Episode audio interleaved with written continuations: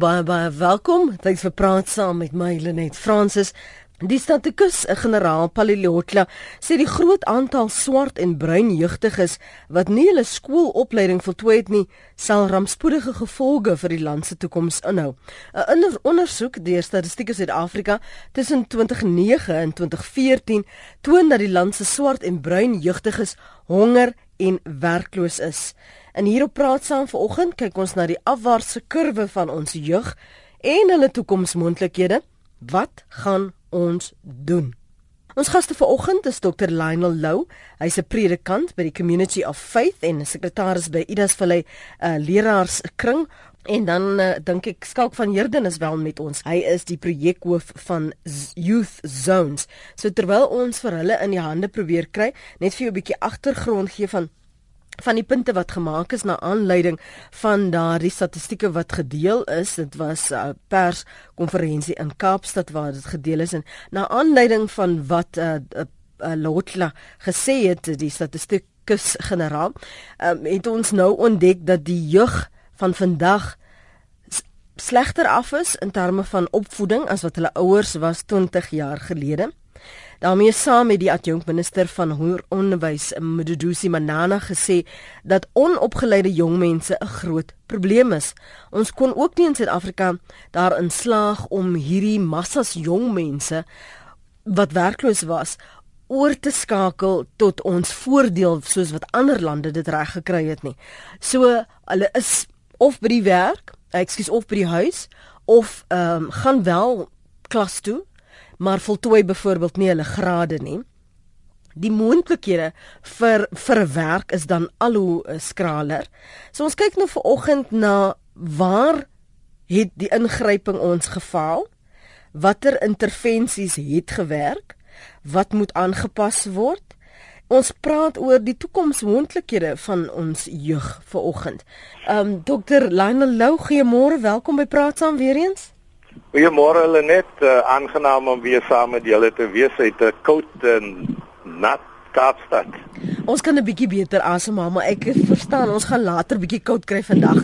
Skalk van Heerden is projekhoof van Youth Zones. Welkom aan jou Skalk, môre. Môre Lenet, môre Lionel en môre almal wat luister vanuit 'n lekker warm Johannesburg. Dankie eh, Skalk. Skalk vir vir ek en Lionel verder gesels en wat is dit wat wat Youth Zones is? Wie is julle? Wat doen julle? Um Lenet, uh, Youth Zones is 'n projek van Foundation for Safe South Africa wat deur meneer Rolf Meyer begin is in 2009 en ons doen jeugbemagtiging. Ons het in 9 gemeenskappe begin en ons projek um, snaaks genoeg werk. So ons het gegroei van 9 na 43 verskillende gemeenskappe oor die land. Hmm. En ons het 'n siklus in 'n 'n geïntegreerde projek wat die jeug wat die armste is en wat mense nou so moeilikheidmakers noem en so. Hmm. Ons begin by hulle en um, dan vat ons hulle deur 'n siklus waar hulle op die einde die ehm um, veranderingsagente in hulle gemeenskap word. O, ek hou van change agents, die veranderingsagente, ja. van hoe jy dit stel. Ek gaan nou-nou verder uh, met jou daaroor gesels en presies wat jy doen en van waar hierdie jong mense vandaan kom en is hulle die jong mense van wie ons praat wat, wat honger en werkloos is. Ons gaan nou-nou bietjie daaroor gesels. Ek wil vir Dr. Lou net gou hier intrek. Ja. Ek die, die feit dat hierdie statistieke sê swart en bruin jeug in my kop praat ek van swart jeug, ek tref nie onderskeid nie, is minder geskoold as hulle ouers 20 jaar gelede. Nou moet ons onthou, 20 jaar gelede het ons afgesonder van mekaar gebly. Ons het verskillende onderwysdepartemente gehad. Ons het selfs 'n huis van kleerlingsake gehad. En nie in die 20ste millennium in die eeu het ons bevryding, skynbaar meer geleenthede, beter opvoeding. Nou hoe Het hierdie agteruitgang dan plaasgevind dokter Lou? Lenet ons moet ook net besef dat die wêrelde van 20 jaar en meer gelede en die wêreld van vandag is twee verskillende wêrelde. Tegnologie het 'n massiewe invloed uh, op ons daaglikse lewe. Daar's verstedeliking wat plaasgevind het daar is die ontploffing van kennis oor die periode wat plaasgevind het. Die ekonomie self en die vereistes van die ekonomie is ook heeltemal anders op die oomblik as wat dit 20 en meer jaar gelede die geval was. So die eise wat aan jong mense gestel word is eise wat kennis en vaardighede vereis. So die twee geslagte in 'n sin kom uit verskillende wêrelde en die wêrelde het verskillende eise aan die twee geslagte gestel. Baie mooi uiteengesit, maar as jy so terugdink aan die tyd toe jy 20 jaar gelede betrokke was in in in jong on die struggle en en ontwikkeling en geleenthede soek vir 'n bevrydende Suid-Afrika sou jy kon dink dat ons in hierdie situasie sou wees waar ons praat van jong mense wat honger en werkloos is ongeskoold is ons verwagtinge van wat sou gebeur het in die 20 jaar mag sommige sê naïef was maar ek reken baie redelike verwagtinge was. En die grootste teleurstelling van die afgelope 20, 22 jaar sedert demokratisering is wat gebeur het met ons opvoedingsstelsel. Want ons bestee geld in ons opvoedingsstelsel, maar wat ons terugkry in die uh, leerlinge wat uiteindelik matriek uh, voltooi is nie wat ons die kwaliteit daarvan is nie wat ons verwag het nie. En so ons moet onthou dat oor die afgelope 22 jaar was daar soveel wisseling in die stelsel self, wisseling in die kurrikulum en gevolglik is ons studente wat uit die stelsel uitkom nie bevoeg om toe te tree tot 'n veranderende tegnologiese uh ekonomie wat kennis en vaardighede vereis nie. Hmm. En dit is die e een groot leerstelling vanuit die afgelope 22 jaar. En so in 'n sin moet ons sê dat dit is nie verbasend dat ons jeug van vandag in die situasie sit waarin hulle is as gevolg van die gebrek aan 'n kwaliteit kwaliteit opvoedingsstelsel wat vir hulle voorberei vir die toekoms. En selfs nou wanneer ons praat van die matriek uh slaagsyfer wat gestyg het, die teleurstelling binne daardie statistiek is ook die betreklik min matrikulante wat kwalifiseer om universiteit toe te gaan. So um, ons moet weer eens opnuut kyk na hoekom ons opvoedingsstelsel nie vir ons studente lewer wat kan toetree tot 'n ekonomie soos dit daar uitsien op die hmm. oomblik. En 'n bydrae kan maak nie hmm. net op daardie vlakkie. Skalk, wil jy gou iets byvoeg voor ons na die lyne toe gaan? Nee, ek wil net sê ek stem saam met Dr. Lionel, um, veral in terme van tegnologie, gebruik van tegnologie en om werksgereed te wees. Die hoofding wat ek wil sê net is net ek dink opvoeding of onderwys kan ons nie as 'n uh, uh, ding in isolasie sien nie, dit is geïntegreer. Ek nou dink toe ek jonk was, ek het geword wie ek is weens my gesin, my skool, my kerk, my vriende en familie um, en ek dink 'n meer geïntegreerde uitkyk is nodig want dit is nie net die skool nie, jy weet wat wat buite die skool gebeur het 'n groot impak op wat binne die skool gebeur. Mm -hmm. Ek stem volkome met Skalk saam, uh, Lenet. Ja. Ek meen daar's baie wat uh nie gebeur in ons gemeenskappe nie wat daartoe bydra dat jong mense nie bevoegd is en en toegerus is hmm. vir die toekoms nie. Kom ek hoor wat het Ivan op die hart en dan uh, kan ek julle reaksie daaroor kry. Ivan, môre, welkom. Uh goeiemôre Lenet, goeiemôre aan die luisteraars en goeiemôre aan jou gaste. Jammer dat ek gister uh daar kon uh by uh uit in die Kaap gekom het. Dis in die hak. Uh hulle net uh, ek wil net graag sê man, jy weet die die jeug van vandag en die jeug van in ons tyd in Lenet is twee verskillende groepe. Jy weet ons het in vers, twee verskillende uh, eras het ons uh, groot geraak. Ehm um, en wie Lenet wat vir my snaaks was uh daardie jare as 'n persoon nou uh, graad uh, kom ons nou graad 10 wat staan dit 8 was daai tyd was dit die eerste as jy dit behaal het, dan was almal bly in jou gemeenskap. Mm. En as iemand universiteit toe byvoorbeeld gegaan het, dan was die hele gemeenskap bly en uh, jy weet dit was dit was excitement geweest, jy weet. Uh, daai tipe van goed Lenet bestaan nie meer vandag nie. Want ek dink jy weet uh um daardie tyd het dit tog mense ander kinders ook gemotiveer want jy wil graag 'n uh, uh, graad 10 hê. Jy wil graag dan graad uh, uh, 12 nou hê. Jy wil graag 'n matriek hê. En en as jy een dit gehaal het in jou gemeenskap het almal daardie excitement, daar was excitement geweest.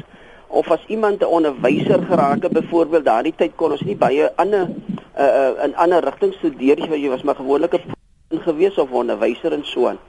So iewers hulle net moet ons daar 'n vuur aan die brand gesteek raak ek dink een van die grootste uitdagings sou net ek ek sal altyd onthou toe ek in Mitchells Plain gaan skool hou toe ek geskort was in Grabouw oor politiek toe ek daar kom toe word ek gefeis met Engels hulle net. Dat net ek kon nie geografie reg sê nie. Ek het so gesukkel in jou Kaapse kinders al lag hulle sê jy sien die jongens van die plaas. Jy weet maar ek kon nie geografie hulle net. En dit is ons grootste uitdaging wat baie van ons kinders het wat graag wil gaan studeer. En ek sit my kop op 'n blok. Die eerste probleem wat hy sy hele lewe vir sy 18 jaar het hy Afrikaans gepraat. Nou moet hy Wes-Kaapland toe gaan. Hy het nog nooit, hy was hy deel van 'n 'n kultuur van verskillende rasse nie. Hy moet nou eers daar ook verbykom Lenet. En dan moet hy nou verby sy Engels kom. En na dis die tipe van goed is hulle net wat ons moet in plek kry, so solidariteit. Hulle het 'n oulike stelsel waar hulle hulle kinders nou oplei. Hulle hulle het hulle eie universiteite gebou want hulle sê as die regering dit doen nie, dan doen ons dit self. En dit is wat ons soos die Lionels in in in dan ons leiers, ons moet iewers moet ons sê ons moet 'n plek kry vir ons kinders waar ons kinders in hulle eie eie taal kan uh, studeer en dan vir geleenthede skep net.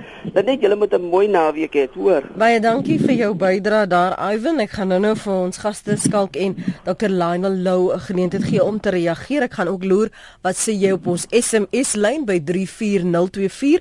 Elke SMS kos jou R1. Uh Morien, môre. Hallo. Môre Morien, praat gerus saam asseblief. Hallo net. Goeiemôre in al jou jou luisteraars en jou sprekers daar. Ek wil vanoggend weer so 'n donker klip in die pot gooi. Ek wil hulle net vat terug na 1976 toe die riots begin was en ons sogenaamde kleerling studente en leerlinge wat gebruik was om in die strate saam met Dr. Ellen Pusak te hardloop het Ons het nie geweet waaroor dit gaan nie. Niemand het ons ingelig nie. En vir daardie jaar het ons soos 'n klop Morien? Hallo? Ja ja, toe vir daardie jaar het ons soos het ons het ons gedryf leerlinge het uitgesak.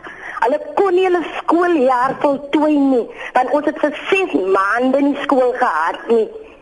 En na dit ons ouers het die kans het die geld gehad om vir ons in tweede jaar in een standaard uh te gaan te, terug te gestuur het die. en dit is waar ons jeugdige se werkloosheid begin het. Die politici het niks in daardie in ons as jong mense belang gestel nie. Toe hulle hulle doelwit bereik toe hulle klaar met ons. En niemand het 'n oog geknip om daardie jong mense wat uitgeval het te help. Hier en daar het een uit sy eie uit uitgestyg. Maar geen hulp van daai sogenaamde politici, UDF mense het teruggekom na ons toe by die skole nie. Kan terug laat hulle teruggaan op hulle spoor na 1976 se riots toe. Vir wie het hulle gebruik in die Kaap? Om om om daardie opstande saam met hulle deur te gemaak het. Baie dankie Lenet. Dankie Morien. Gaan jou kans gee Dr Lou. Reageer asseblief op uh, wat Morien sê. Ja, uh, Lenet en na uh, 76 was daar baie inligting sessies wat gehou was in gemeenskappe om ouers in te lig oor oor die redes dat leerlinge op daardie stadium nie op skool was nie. Ehm um, en dit het daartoe bygedra dat die omwenteling gekom het wat vir ons uiteindelik na 1994 toe gebring het. So in 'n uh, mate wat Maureen aanspreek uh is kommerwekkend vir ons want daardie geslag het bygedra daartoe dat opvoeding 'n tweede prioriteit geword het en bevryding eerste. Ehm um, daar was so slagspreuk uh ten opsigte daarvan. Ek wil net gou vasstel. Ekskuus tog jammer om 94 is dit die soort saak wat aangespreek moet word en ons het dit nie voldoende opgetel nie. Ek dink ons moet toegee dat dit is die geval. Hmm. Ek wil net gou vasstel of dit jou foon is of Skalk se foon is. Iemand besig om in die wind te staan. Want Nee, ek is nie in die wind nie. Ek is... Skalk is dit jy wat in die wind staan? Ek hoop nie ek sien die wind nie. Want want weet jy daar is 'n um, grens op die op een van julle twee se lyne. Ehm um, en dit is baie moeilik om julle te hoor. Ehm um, so dit is hoekom ek probeer vasstel waar staan iemand in die wind want dit klink soos 'n gedruis die hele tyd. Ehm um, O, dis reg. Okay, maar ek ek ekskuus dat ek julle in jou gedagtegang moes onderbreek. Dokter Lou, ek wil nog 'n ding aanraak wat ehm um, Ivan gesê het oor wat? die ge, die gehalte van Ek dink Ivan uh, raak die hele taalkwessie aan. En uh dit moet aandag kry in ons opvoedingsstelsel. Want ons kan nie so voortgaan nie. Taal word uh uh it's a handicap as as mense nie taalvaardig is wanneer hulle in opleidings uh, inrigtinge is nie. Hmm. Ons kan nou nog gesels hmm. oor die die jong mense met wie jy werk. Uh, skalk ek ek stel baie belang oor waar hulle vandaan kom. Ehm um, jy's gesê dis 'n 'n diverse groep en wat julle presies met hulle doen. Dion hou vir my al 'n rukkie aan. Môre Dion, kort asseblief. Goeiemôre Lenet en goeiemôre aan jou gaste en aan die luisteraars. Ag net ek is 'n personeel um, praktisyn en ek doen werwing vir vir maatskappye vir um, jy weet nuwe werkers en onder die jeug dan nou. En um, jy weet ek het nou begin van die maand het ek uh, poste geadverteer en ek het oor die 2000 aansoeke gekry vir dit.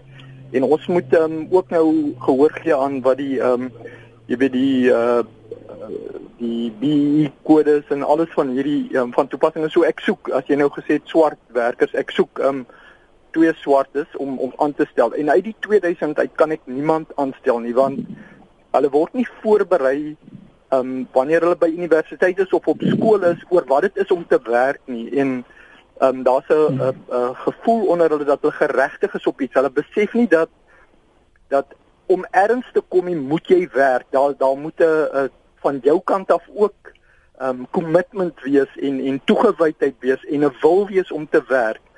Veral um, mense wat universiteit toe was voel dat hulle geregtig is om dadelike bestuurder te wees en hulle besef nie dat dat hulle moet werk nie. So erns word hulle nie daai um soft skills geleer om om regtig te uit te gaan en te gaan werk nie en en dat dat net met werk kom as ek sê so jy sit met poste maar jy kan nie mense aanstel nie want hulle is nie geskik nie.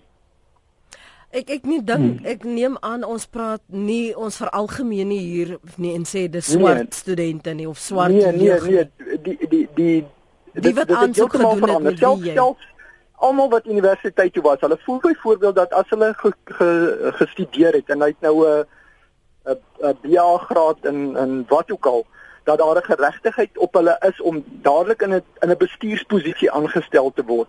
So nou kom hulle by 'n maatskappy of hulle word 'n onderhoud gegee by 'n maatskappy waar daar klomp werkers is wat al jare daar werk en wat al die kennis het van wat daar aangaan, maar hulle het nie die vermoë om in 'n bestuursposisie in te kom nie. Maar dan kan jy nie die persoon aanstel nie want hulle besef nie of hulle hulle verstaan nie dat ek moet werk, ek moet aan die onderkant begin en ek moet myself opwerk nie. Um en ek weet waar dit vandaan kom nie, maar daai daai besef is daar nie en, en ek dink nie hulle word voorberei vir dit nie. Mm. So so jy dink jy sê dat studente wat gegradueer het en dink hulle het 'n kwalifikasie op papier, maar nie die hulle reeds toegang tot 'n bestuursposisie. Ja, ek hoor jou. Dankie mm. Dion, dankie vir daardie inset van jou. Ek skalk, ek hoor jou. Mm, ek luister. Lenet, ek dink dit is baie waar baie van die dinge wat gesê word. Ehm um, En ek dink dit baie oor is vry oor hoekom is dit fout, maar op die einde van die dag moet jy 'n plan maak en leer. Ek onthou toe ek universiteit toe gegaan het, As ek in die Engelse klas en ek lees nog daar homogeneous en die dosent sê, "I think you mean homogeneous skulk." Jy weet net hoe lag die hele klas nou by om die bloem homogeneous te sê nie. Mm. Maar dis die die bottom line is ons moet maar net leer. Um, dit wat jy nie weet nie, ek is nie Engels nie, maar ek moet leer Engels praat en ek dink ja, van deur skrif om te analiseer hoekom goed verkeerd is, maar op die einde van die dag het mens stap vir stap die ding moet regmaak. Um en dit partymal verg 'n bietjie nederigheid om nederigheid om te sê ek weet nie, mm. maar ek gaan nou leer. Um so ek dink daai een van die ander in uh, ek dink Ivan het gesê daar moet 'n vuur gemaak word. En en daai is net iemand hoop het en uh, iemand het wat saam met hulle daai pad kan stap. Die die jong mense met wie jy werk, jy het gesê jy het 'n ongelooflike groei gesien van van waar jy 9 was en ons praat nou van 43 'n gemeenskap. Van waar kom hulle? Geef ons 'n insig in hulle agtergrond en wat dit is wat julle vir hulle mee help, want jy sê nou jy het iemand nodig om saam met jou die pad te stap. Hmm.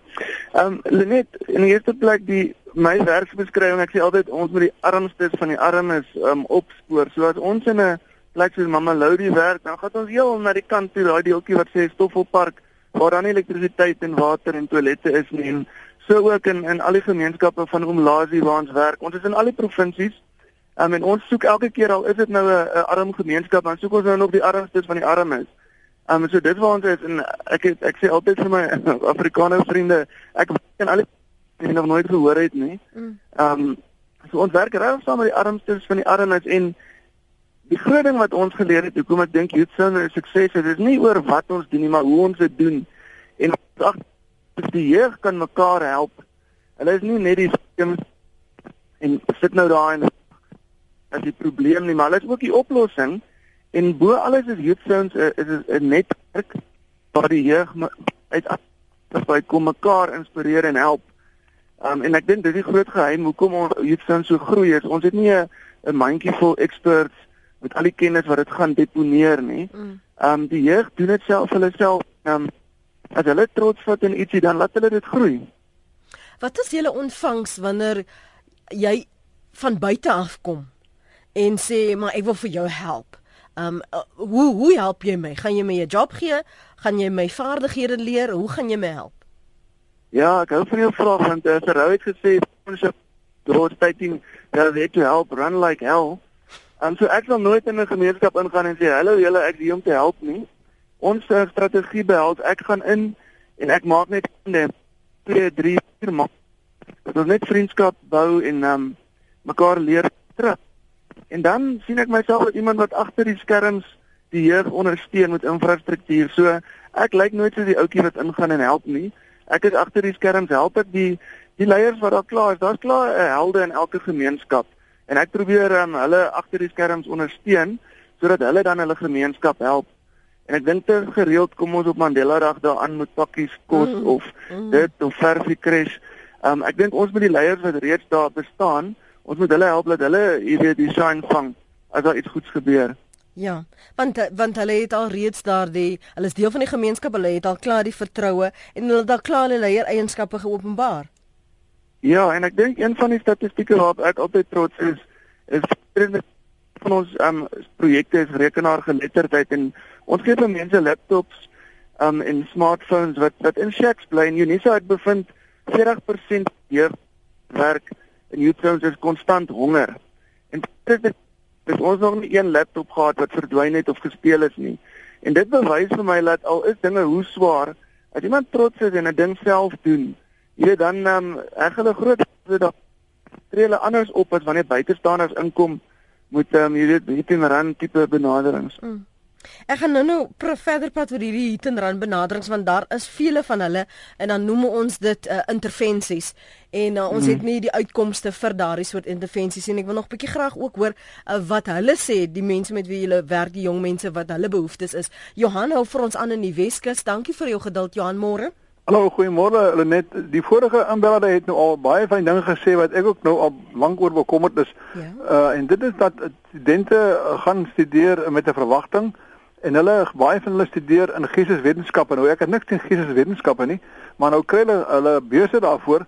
Nou nou na hulle afgestudeer het, nou is daar nie vir hulle werk nie en nou is daar uh, skuld en nou is daar ontevredenheid En nou voel ek net dat die, die universiteite moet 'n bietjie 'n opname maak om te kyk landwyd wat is die aantal studente wat in geesteswetenskappe studeer dat hulle die ding dat hulle miskien 'n bietjie uh, die ouens bietjie uh, of of keer of uh, inlig of hulle uh, bietjie net uh, vertel, jy weet, wat gaan jy maak as jy jou graad het want jy kan miskien 'n pos kry by die regering maar jy kan nie vir jouself gaan werk nie.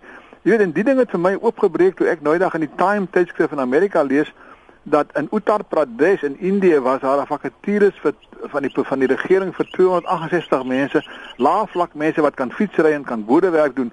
En luister luister net hierna, toe kom daar, toe kry 2.3 miljoen aansoekers, 100 PhD's en ek uh, en ek weet nie hoeveel duisende gra gegradeerdes nie.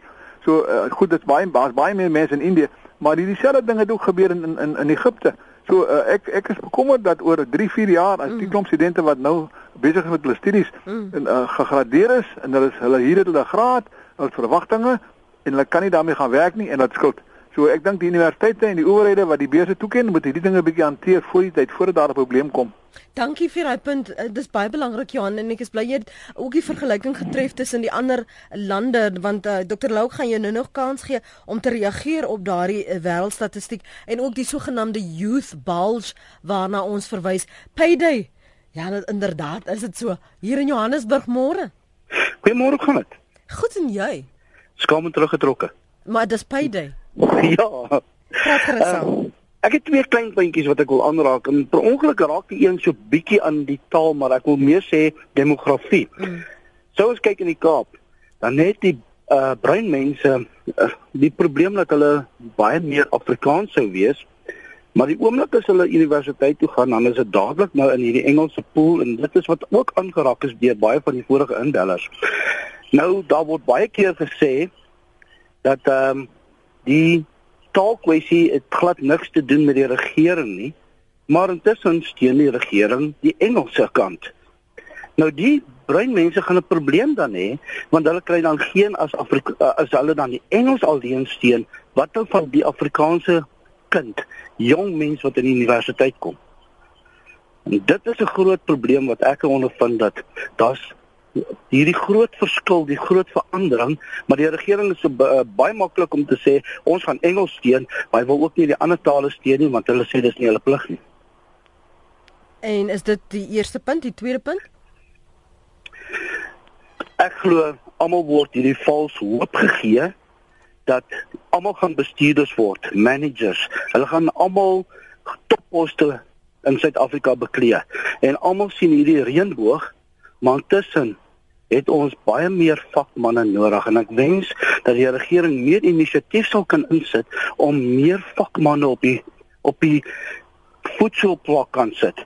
Nie almal van ons kan bestuurders wees nie, nie maar almal van ons gaan besighede besit nie, maar vakmanne is in elke industrie baie nodig. Mm. Dankie Payday. Mooi dag vir jou verder. Waardeer daardie inset meneer Colin op lyn 4. Is dit Colin of Collins? Colin. Colin, ja. Uh, morning um, to your guest and to yourself. May I speak English? You gaan gerus voort. Okay. Do you know when I was in school, I'm talking about the 60s, mm. we used to have woodwork classes and sheet metal work classes and things like that.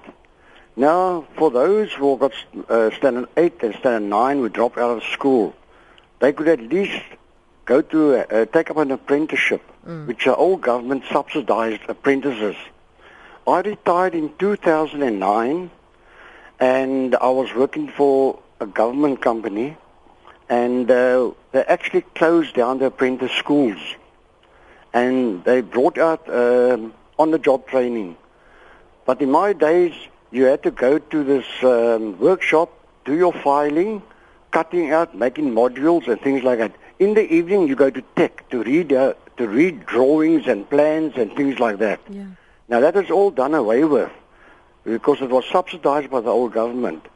Now what I found out on my last 10 years now, before I retired, I found out that they were sending guys, people, uh, male and female, uh, making them apprentices, mm-hmm. go into the works and just learn for three months or six months. They never ever went to tech to learn how to read drawings or plans or anything like that. So what happened is they go into the workshop, they work uh, on on on a, a coach for argument's sake. Yeah. and uh, they get a, a, a toggle switch to fit. But in the uh, in the box is the the drawings, the plan of how to assemble it, how to connect the wires. They couldn't even read those things, you see, because mm. they never went to tech. Mm. So I suggest the government must look closely into this matter and start for all those dropouts at standard 8 and standard 9, at least they become apprentices, mm. fitters, turners, or even a toolmaker. Mm. Uh, a toolmaker, you've got a matric. Now you get a fitter, it's got a JC in our old days, uh, um, grade 10. Yeah. He becomes a plumber, he becomes a bricklayer, he becomes... We need those people because modern technology is taking over. The youth will never be able to uh, uh, get those jobs. Only, only a handful of people can follow the technology of today. But we need builders. We, that is why the the uh, the industry, manufacturing, is so bad because we haven't even got fully qualified tool makers, jig makers, uh, fitters, turners, and things like that to make the engineering companies. You know what I mean? Yeah, ek hoor absoluut. So we need those people. The government must start subsidizing private companies, encourage private companies to take on apprentices and subsidize like they did in the old days. I heard a professor talk on the radio the other uh, a couple of months ago. He reckons we've got about 13,000 artisans qualified from the old regime mm. that's left and most of them are in their 50s and 60s. What's going to happen to that 13,000? Yeah because you have to go to Olifantsfontein and and write uh, and do your trade test yeah. and you get a card to prove that you're an artisan. Now today you got every Tom, Dick and Harry. I'm a builder. I'm a plumber. I'm an electrician. I'm this. I'm that. Meanwhile, they haven't even got the papers. They haven't even got the qualifications. They've never in their life been to a tech. They can't even read a plan or something like that. Ja. En ook die die wat die geskoold is, ehm um, daardie vaardigheid gaan verlore want yes. vir wie leer jy? Ja. Ja, dankie meneer Collins, dankie vir jou oproep. Waardeer dit. Hy's in die Kaap. Ehm um, hy, praat sekerlik so in jou kraal dokter Lou. Ja, eh, ek kan ek begin en reageer en net sê ek stem Kwame saam met hom in die sin dat ons het vakmense nodig. Een van die vroeë uh, persone het dit ook genoem. Dit is ongetwyfeld net dat ons vakmense nodig het. En die ander punt om te maak ten opsigte van uh vakmense is dat hulle kan ook geld maak en hulle is in 'n sin ook altyd verseker dat daar is werk vir hulle want as jy 'n loodgieter is kan jy dit daar's altyd 'n aanvraag. Uh dit maak nie saak wat jou status in die samelewing is nie op een of ander uh, tyd gaan jy 'n loodgieter nodig hê om vir jou te help te kom wanneer jou toilet dit nodig het. Uh hulle kan werk oor naweke. Uh ons ons dit is ongetwyfeld dat ons vakmense nodig het en dat dit nie almal is wat universiteit toe hoef te gaan mm. en moet gaan nie. Mm -hmm. Die vereiste vir ons colleges is dat hy ten minste graad 9 geslaag het om te kan verdere opleiding ontvang in die spesifieke vakgebied waarin jou belangstelling lê. Ek stem volkome saam hmm. saam met uh, meneer Collins. Kan ek ook net uh, sê dat dit is so dat as gevolg van regstellende aksie wat ingestel is uh, 22 jaar gelede is die persepsie geskep soos Dion aangedui het dat gegradueerdes kan instap in topposisies.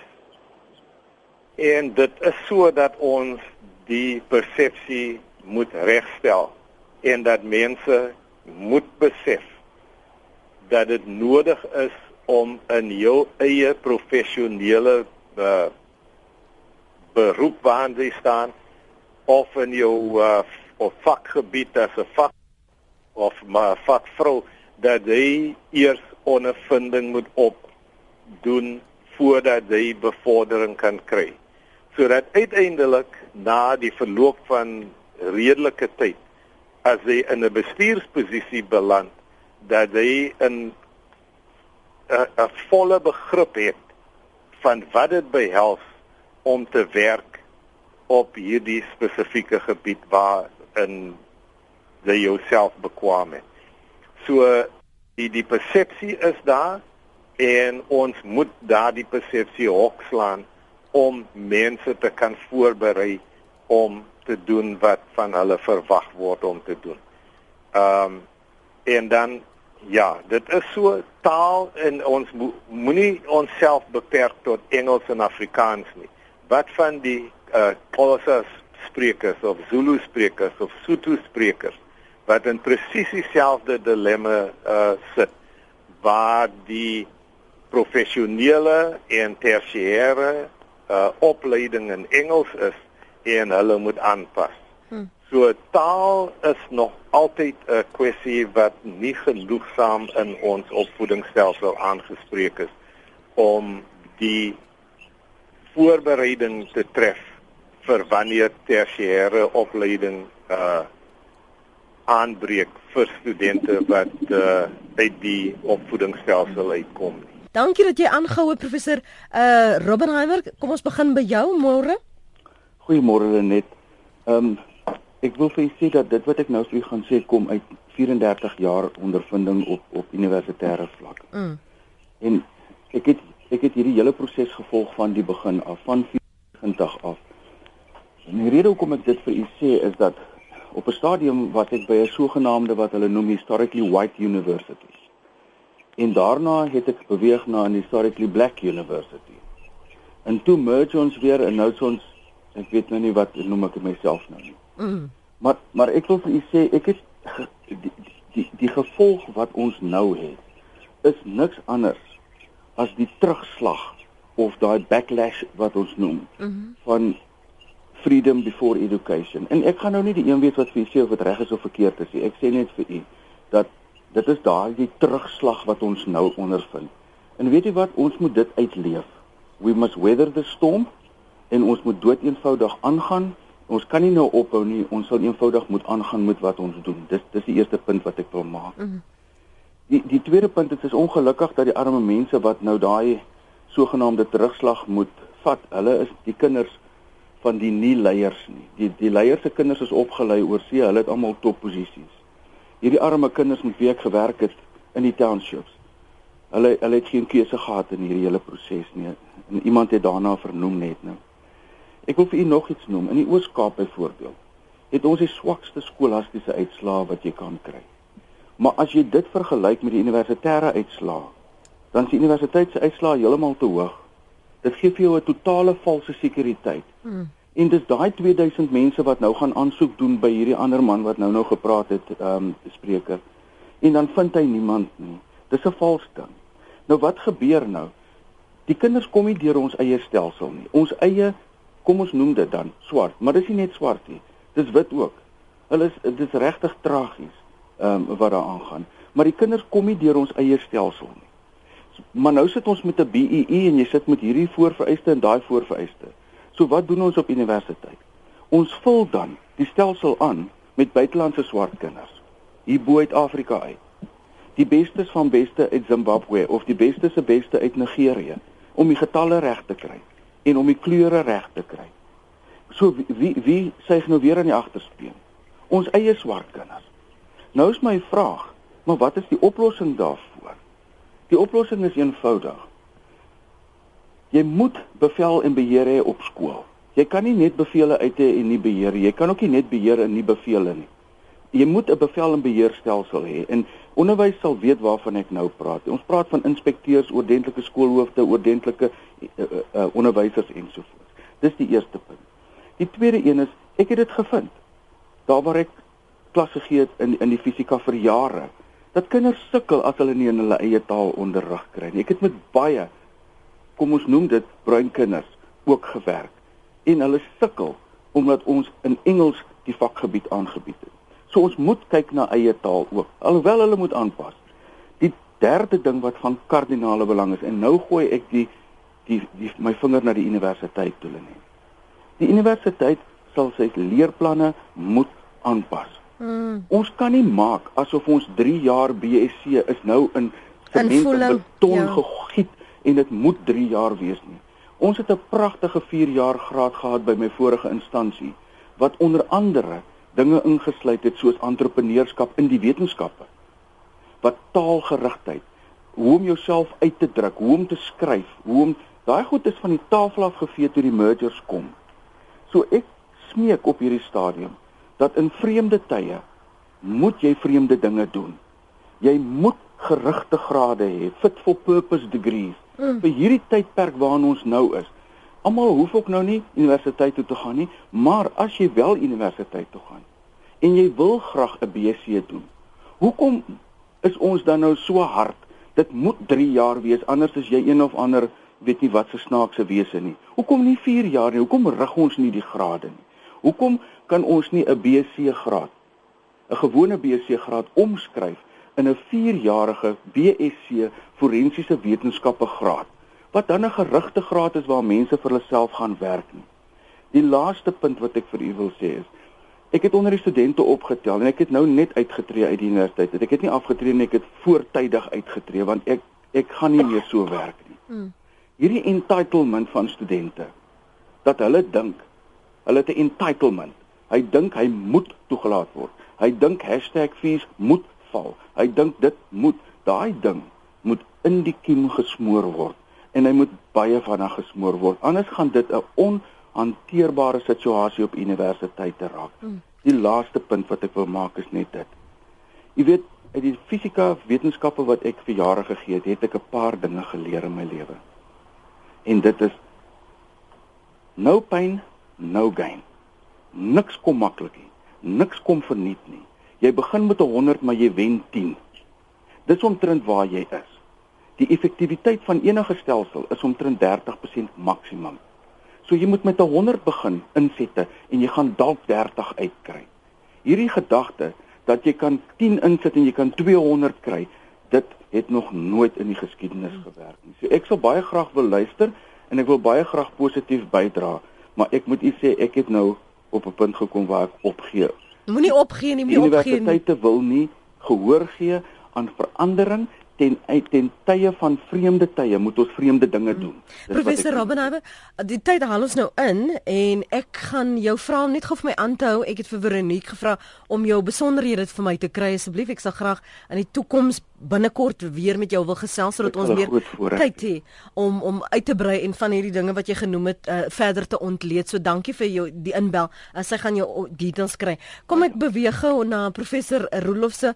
Jy het altyd so 'n belangrike bydrae te maak en nou is die tyd letterlik 'n minuut en 'n half. Prof. Ek ek gaan hom flou kap. Uh, Asseblief, ek jammer dat ek jou moet laat afwater.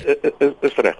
Ek verwys na navorsing wat gedoen is oor waar jeug in opstand gekom het reg oor die wêreld en daar's 'n paar faktore wat uh, dit uh onder uh bou het en die eerste was uh, uh die bevolkingsgroei van meer as 15% in die jeug oor 'n tydperk volgehou oor 'n tydperk van 15 jaar.